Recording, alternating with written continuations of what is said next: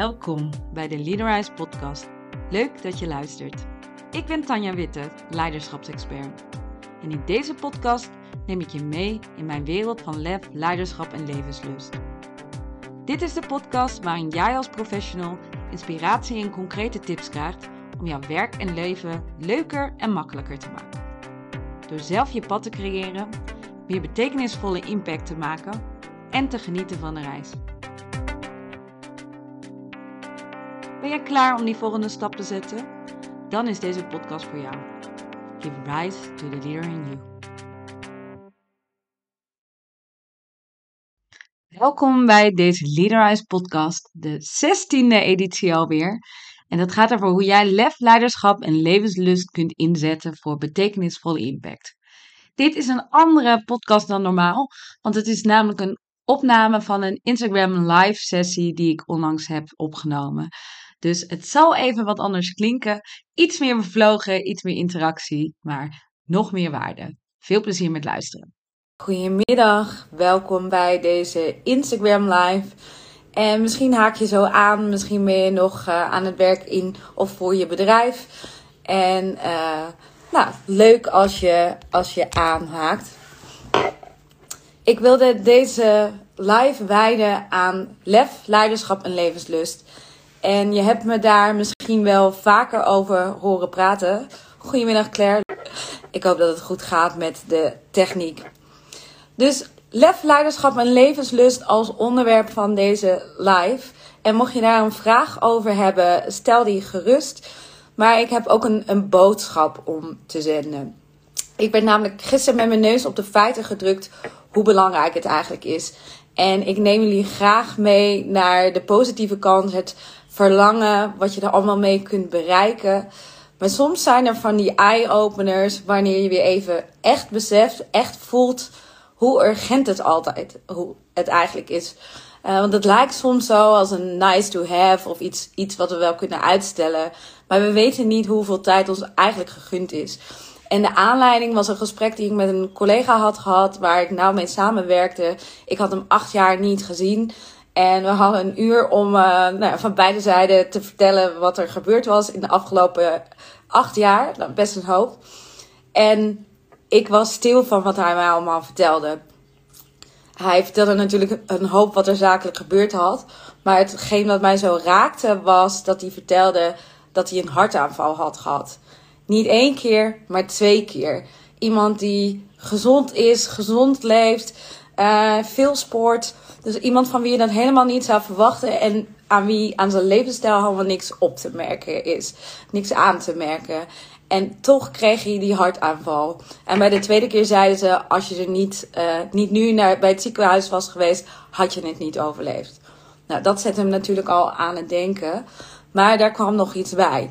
En uh, hij vertelde dat zijn, zijn zoon onlangs een, uh, een zelfmoordpoging had gedaan. En uh, dat dat hem nog veel meer aan het denken zette over nou ja, wat hij voor hem kon betekenen, kan betekenen. En nou, ik was er echt even, even stil van in het gesprek, maar ook na het gesprek werkte dat echt nog heel lang door bij mij. En hij is nu op een punt dat hij nadenkt. Hij heeft een, een serieuze functie waarin hij een bedrijf aanstuurt. Wat hij heel succesvol doet. Hij is al van meerdere bedrijven naar één bedrijf gegaan. Dat is al een hele bewuste keuze gemaakt. Um, maar hij is dus nu op een punt dat hij denkt: ik weet niet hoeveel tijd ik nog heb. Ik weet ook niet hoeveel tijd hij nog heeft. Uh, misschien moet ik wel even een, een, pauze nemen. Misschien moet ik wel even alles opzij zetten. En uh, mijn tijd gaan besteden aan een mooie reis of iets heel anders met mijn leven doen. En ja, dat, dat raakte me. En het is natuurlijk iets waar ik graag mensen over laat nadenken. Over die droom. Wat wil je nou echt? Wat vind je belangrijk? Um, en ik gun mensen zo dat, dat je niet zo'n wake-up call nodig hebt. Dat je niet hoeft te wachten tot je een hartaanval hebt. Tot er iets gebeurt met iemand in je omgeving waar je je zorgen om maakt. Dat het niet nodig is dat je in die burn-out terechtkomt. Ik heb zelf heb ik het uitgesteld tot het moment dat ik wel in een burn-out terecht kwam. Want ik wilde die signalen niet zien. En ik dacht, ik heb hiervoor gekozen. Ik moet doorzetten. Ik wil dat het een succes wordt. Ik mag niet falen. Nou, allemaal dat soort niet helpende stemmen. Ehm, dus ik heb doorgezet en de signalen van mijn lichaam vermeden. Tot op het punt dat mijn lichaam zei: En nu is het klaar. En uh, nu doe je helemaal niks meer. En pas toen ben ik gaan nadenken wat wel. En dat is ook de reden waarom ik zo bevlogen ben om andere mensen daar tijdig mee te helpen. Om niet te hoeven wachten tot die burn-out er is. Of, of dat er iets verschrikkelijks gebeurt in je omgeving. Of, maar dat je, dat je niet die pijn tot het maximale laat komen. En en ik weet wel, er zijn twee manieren waardoor je gedreven wordt. Voor de een is het pijn en voor de ander is het verlangen.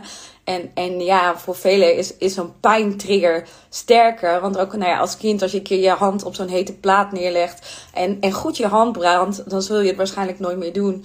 En zo geldt dat hopelijk voor dingen als burn-out en andere zaken ook.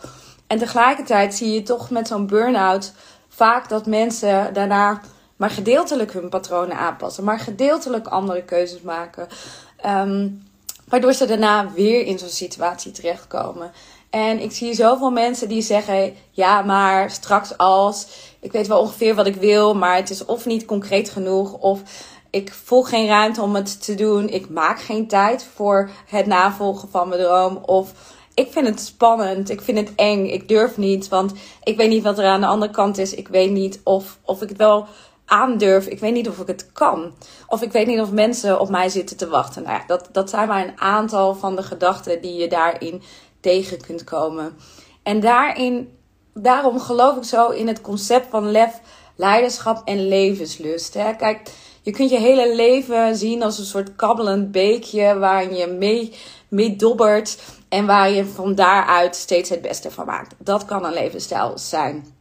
Ik denk alleen dat als jij impact wil maken, als je een missie hebt, een droom, iets wat je wil bereiken, dat verlangen. En ik geloof erin dat diep van binnen dat we dat allemaal hebben.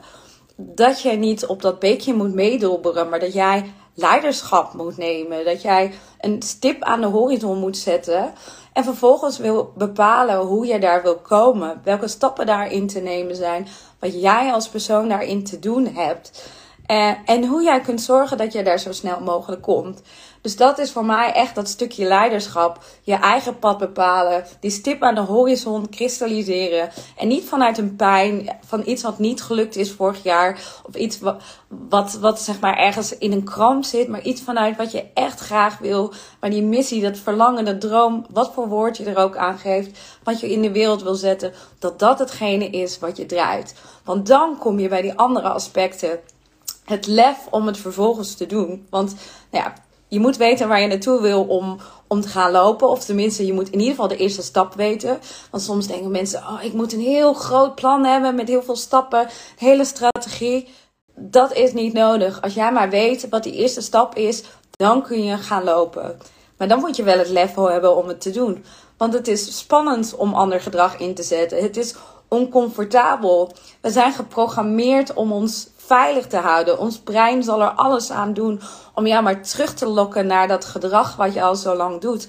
Want dat ken je en dat voelt veilig. Maar ja, als, als dat gedrag is, niet is wat je eigenlijk wil, dan heb je niet zoveel aan dat veilig. Want ja, veilig brengt je dan niet waar je naartoe wil. Dan is die veilige haven is een, is een bekende haven. En daar heb je geen bal aan als je dat niet richting jouw doel brengt.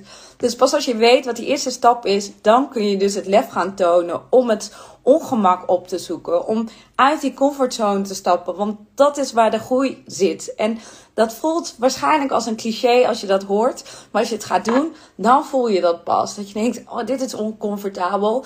Uh, als je kiest om iets te gaan doen, dan begint het pas echt. Want dan ga je ervaren, oké, maar wat betekent dat? Wie moet ik zijn om, om daar te komen? Wie moet ik worden? Moet ik in een nieuwe identiteit stappen? Heb ik nieuwe overtuigingen nodig? Hoe ga ik iets nieuws over mezelf geloven? Wat voor gedragingen zet ik in? Nou, daar komen heel veel stappen bij. En dat vraagt lef om door te zetten. Lef om door te gaan als je nog geen resultaat ziet van wat je doet. Lef om ongebaande paden te bewandelen. Als je ziet dat iedereen om je heen uh, iets, iets anders doet. Als die in een stramien zitten. En dat zie ik bijvoorbeeld heel vaak in het bedrijfsleven. Iedereen gaat s ochtends naar kantoor, komt weer terug. Klapt daarna nog zijn laptop open, gaat weer verder. Het is heel normaal dat je dat doet. Het is heel gebruikelijk dat je naast die 40 uur nog dingen in de avond en het weekend doet, iets af te maken. Het is heel gebruikelijk dat je op het laatst nog een verzoek krijgt wat je even moet fixen, um, wat je hele agenda overhoop gooit.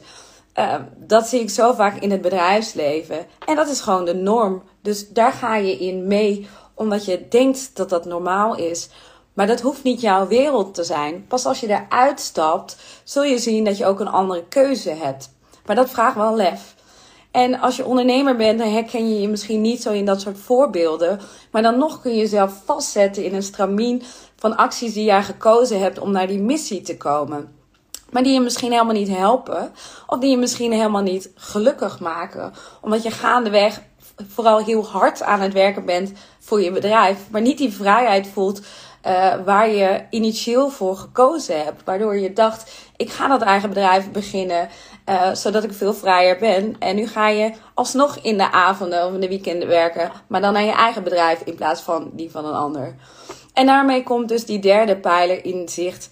De levenslust. Want je kunt zo goed weten wat je wil. Je kunt zo goed op weg zijn. Je kunt een heel, heel droomvertaald en een actieplan hebben. Jezelf continu uitdagen om uit die comfortzone te komen. Stapjes te zetten. Maar op het moment dat jij niet geniet van de reis, dan wordt het een heel moeizaam proces. Dan ben je continu aan jezelf aan het trekken. Dan ben je misschien wel aan het duwen. Dan uh, ben je jezelf aan het pushen vanuit een soort moed moet, moet, moet. Ik moet richting het doel. Ik moet dit resultaat behalen. Ik moet zorgen dat ik niet meer X. Nou, dan zit er vaak heel veel druk op. Dan ligt de lat vaak ook heel hoog. Dan ben je alleen maar tevreden op het moment dat je. Dan is dit de lat, maar pas als je daar bent, ben je gelukkig. En die lat die verschuift steeds gaandeweg. Waardoor dat punt dat je denkt, nou, ik ben echt tevreden, ik ben echt gelukkig. Dat komt niet. Want je verwacht misschien dat dat komt op het moment dat je het resultaat behaalt. Maar als jij niet nu gelukkig kunt zijn, als je niet nu trots bent op waar je staat, als je niet nu levenslust, plezier kunt halen uit wat je doet, gaat dat ook niet komen op het moment dat je dat resultaat hebt behaald. En daarom hamer ik zo op. En ik besef me dat ik een soort rant aan het doen ben vandaag. Dat ik een soort woordenstromen op je afvuur. En excuses als het zo overkomt. Maar ja, ik, ik voel het zo nu weer. Nu dat weer even zo dichtbij komt. En het is niet eens mijn verlies. En, en ik hoop dat het, dat het ook niet zijn verlies gaat worden. Hè? Maar ja, die, die drijfveer om gewoon nu actie te nemen. We weten gewoon niet hoe lang we hebben op deze wereld. We denken dat we tijd hebben. We denken dat het wel komt straks als dan, als ik weer tijd heb. Maar the time is now echt. Je hebt maar één leven, daar geloof ik in. Jij kunt ervoor kiezen om het beste te maken. Jij hebt de mogelijkheid om dat te doen door je gedachten, je gevoelens en je acties te beïnvloeden, zodat je andere impact maakt en straks kunt terugkijken op een leven wat ertoe deed, waarin je gekozen hebt voor dingen die belangrijk vinden. Um, en niet voor dingen die er in die end niet toe doen. Dus dit is echt mijn beroep op jou om, om nu, vandaag, om die keuze te maken. Als je al lange tijd twijfelt om iets te doen. Als je in je hart voelt dat je iets wil, maar nog niet het lef hebt gehad. Omdat je nog niet gedurfd hebt, omdat je nog niet het hele pad voorziet. Uh, maar wel die eerste stap. Mijn beroep op jou is: neem vandaag actie. Want Misschien heb je geen morgen. En je wil niet dat je terugkijkt op je sterfbed en denkt: had ik maar. Dus als ik één ding bij je achter kan laten vandaag, één ding, één actie die je meeneemt, is: doe het vandaag. Dus ik zou je echt willen uitdagen. Wat is iets wat je echt al tijden wil doen, waarvan je in je hart voelt: dit wil ik. En leuk uh, dat er inmiddels mensen bijgekomen zijn. Ik, ik zie jullie, ik hoor jullie als je nog een vraag hebt. Maar ik wil nog even mijn actie afmaken. Neem actie. En niet voor mij, maar voor jezelf. Doe dat ene ding wat zo belangrijk voor je is. Dat er al een tijd op je lijst staat, maar dat je het niet gedaan hebt. Juist omdat het zo belangrijk is. En check voor jezelf. Neem die pijlers mee, hè. Lef, leiderschap en levenslust Zitten die in die keuze? Als ik iets ga veranderen, um, neem ik leiderschap? Uh, neem ik, uh, zit ik genoeg in mijn lef? En heb ik genoeg levenslust bij die keuze die ik maak? Je kunt het echt als een soort kompas naast je keuzes leggen. En dat gaat je echt helpen om de impact te maken die je wil maken. En mocht je het nou nog lastig vinden of mocht je daar nog tips bij hebben, uh, tips bij nodig hebben. Misschien heb je gezien dat aanstaande dinsdag om 7 uur geef ik een masterclass over deze drie thema's. En ik heb een soort scan ontwikkeld waardoor jij met een, een met zeven vragen kunt ontdekken hoe jij nu scoort. Om te zien of lef je makkelijk afgaat, leiderschap of levenslust. En hoe die balans tussen die drie zit. Want pas als die drie in balans zijn, geloof ik dat je echt de impact kunt maken die je wil. Dus super leuk als je dinsdag aanhaakt bij de masterclass. En als je dat doet, dan raad ik je dus echt aan om die vragenlijst van tevoren in te vullen. Je bent er niet lang mee bezig, maar je zult wel echt met meer inzicht die masterclass ingaan. Want op het moment dat jij gaat zitten consumeren van goh, kom mij maar een uur vertellen wat ik moet doen, dan ga je er natuurlijk maar beperkt wat uithalen. Ook, ook daar, als je leiderschap neemt, als je je voorbereidt, dan, uh, dan haal je er het meeste uit. Dus dat kan ik je echt, uh, echt aanraden. En als laatste tip wil ik je meegeven. Mocht je zeggen, ik wil meer dan een uur, maar ik wil echt een hele dag daarmee aan de slag gaan. Dan kun je natuurlijk nog steeds mee op de Rise Leiderschapsdag op 19 mei. Ik heb nog een aantal plekken beschikbaar. En misschien heb je gezien dat ik deze week nog een kaart weggeef. Nou, dat zijn veel te veel call to actions in één. Ik weet het, maar ik ben er zo bevlogen over dat ik het graag met je wil delen.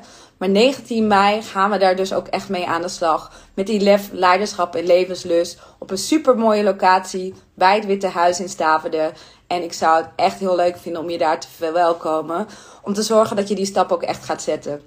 Want misschien zit je nu achter die computer, denk je, ik voel hem, ja, maar straks en doe je het toch niet. En ik kan je verzekeren dat na een dag met mij en een aantal andere mensen die ook actie willen uh, nemen, dat je het ook echt gaat doen. Dus uh, nou, of ik je nou zie in de masterclass of op de Rise Leiderschapsdag op 19 mei, ik hoop je te zien. En wat ik heel erg zou waarderen is als je me laat weten welke actie jij hebt genomen. Wat jij op basis van deze live hebt gedaan.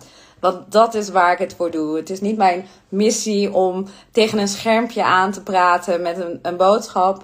Het is mijn missie om jou verder te brengen, om jou tot actie in te zetten, om jou te inspireren, zodat jij op jouw beurt weer die, die olievlek kunt uh, creëren. Of nou ja, water liever, zodat het geen olie hoeft te zijn. Maar je begrijpt wel wat ik bedoel.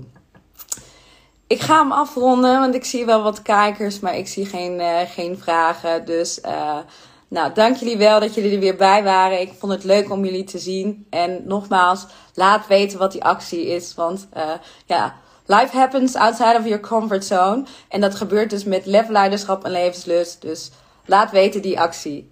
Ik wens jullie een fijne avond. Bedankt dat je luisterde naar de Leaderize podcast. Ben je geïnspireerd geraakt? Ga dan naar de podcast-app waarmee je deze podcast luistert en klik op reviews. Laat bijvoorbeeld 5 sterren achter en als je wilt ook nog een geschreven review. Dank! Ik vind het ook superleuk om te weten welke les of inzicht je uit deze podcast hebt gehaald. Dus deel deze podcast en tag me op social media of stuur me een bericht. Je vindt me op leaderize underscore of Tanja Witte op LinkedIn. Wil je meer weten over hoe je met mij kunt samenwerken, door zelf in je leiderschap te stappen of dit voor jouw organisatie te bewerkstelligen? Ga dan naar www.leaderize.nl en plan een gratis kennismaking. Tot de volgende aflevering. Give rise to the leader in you.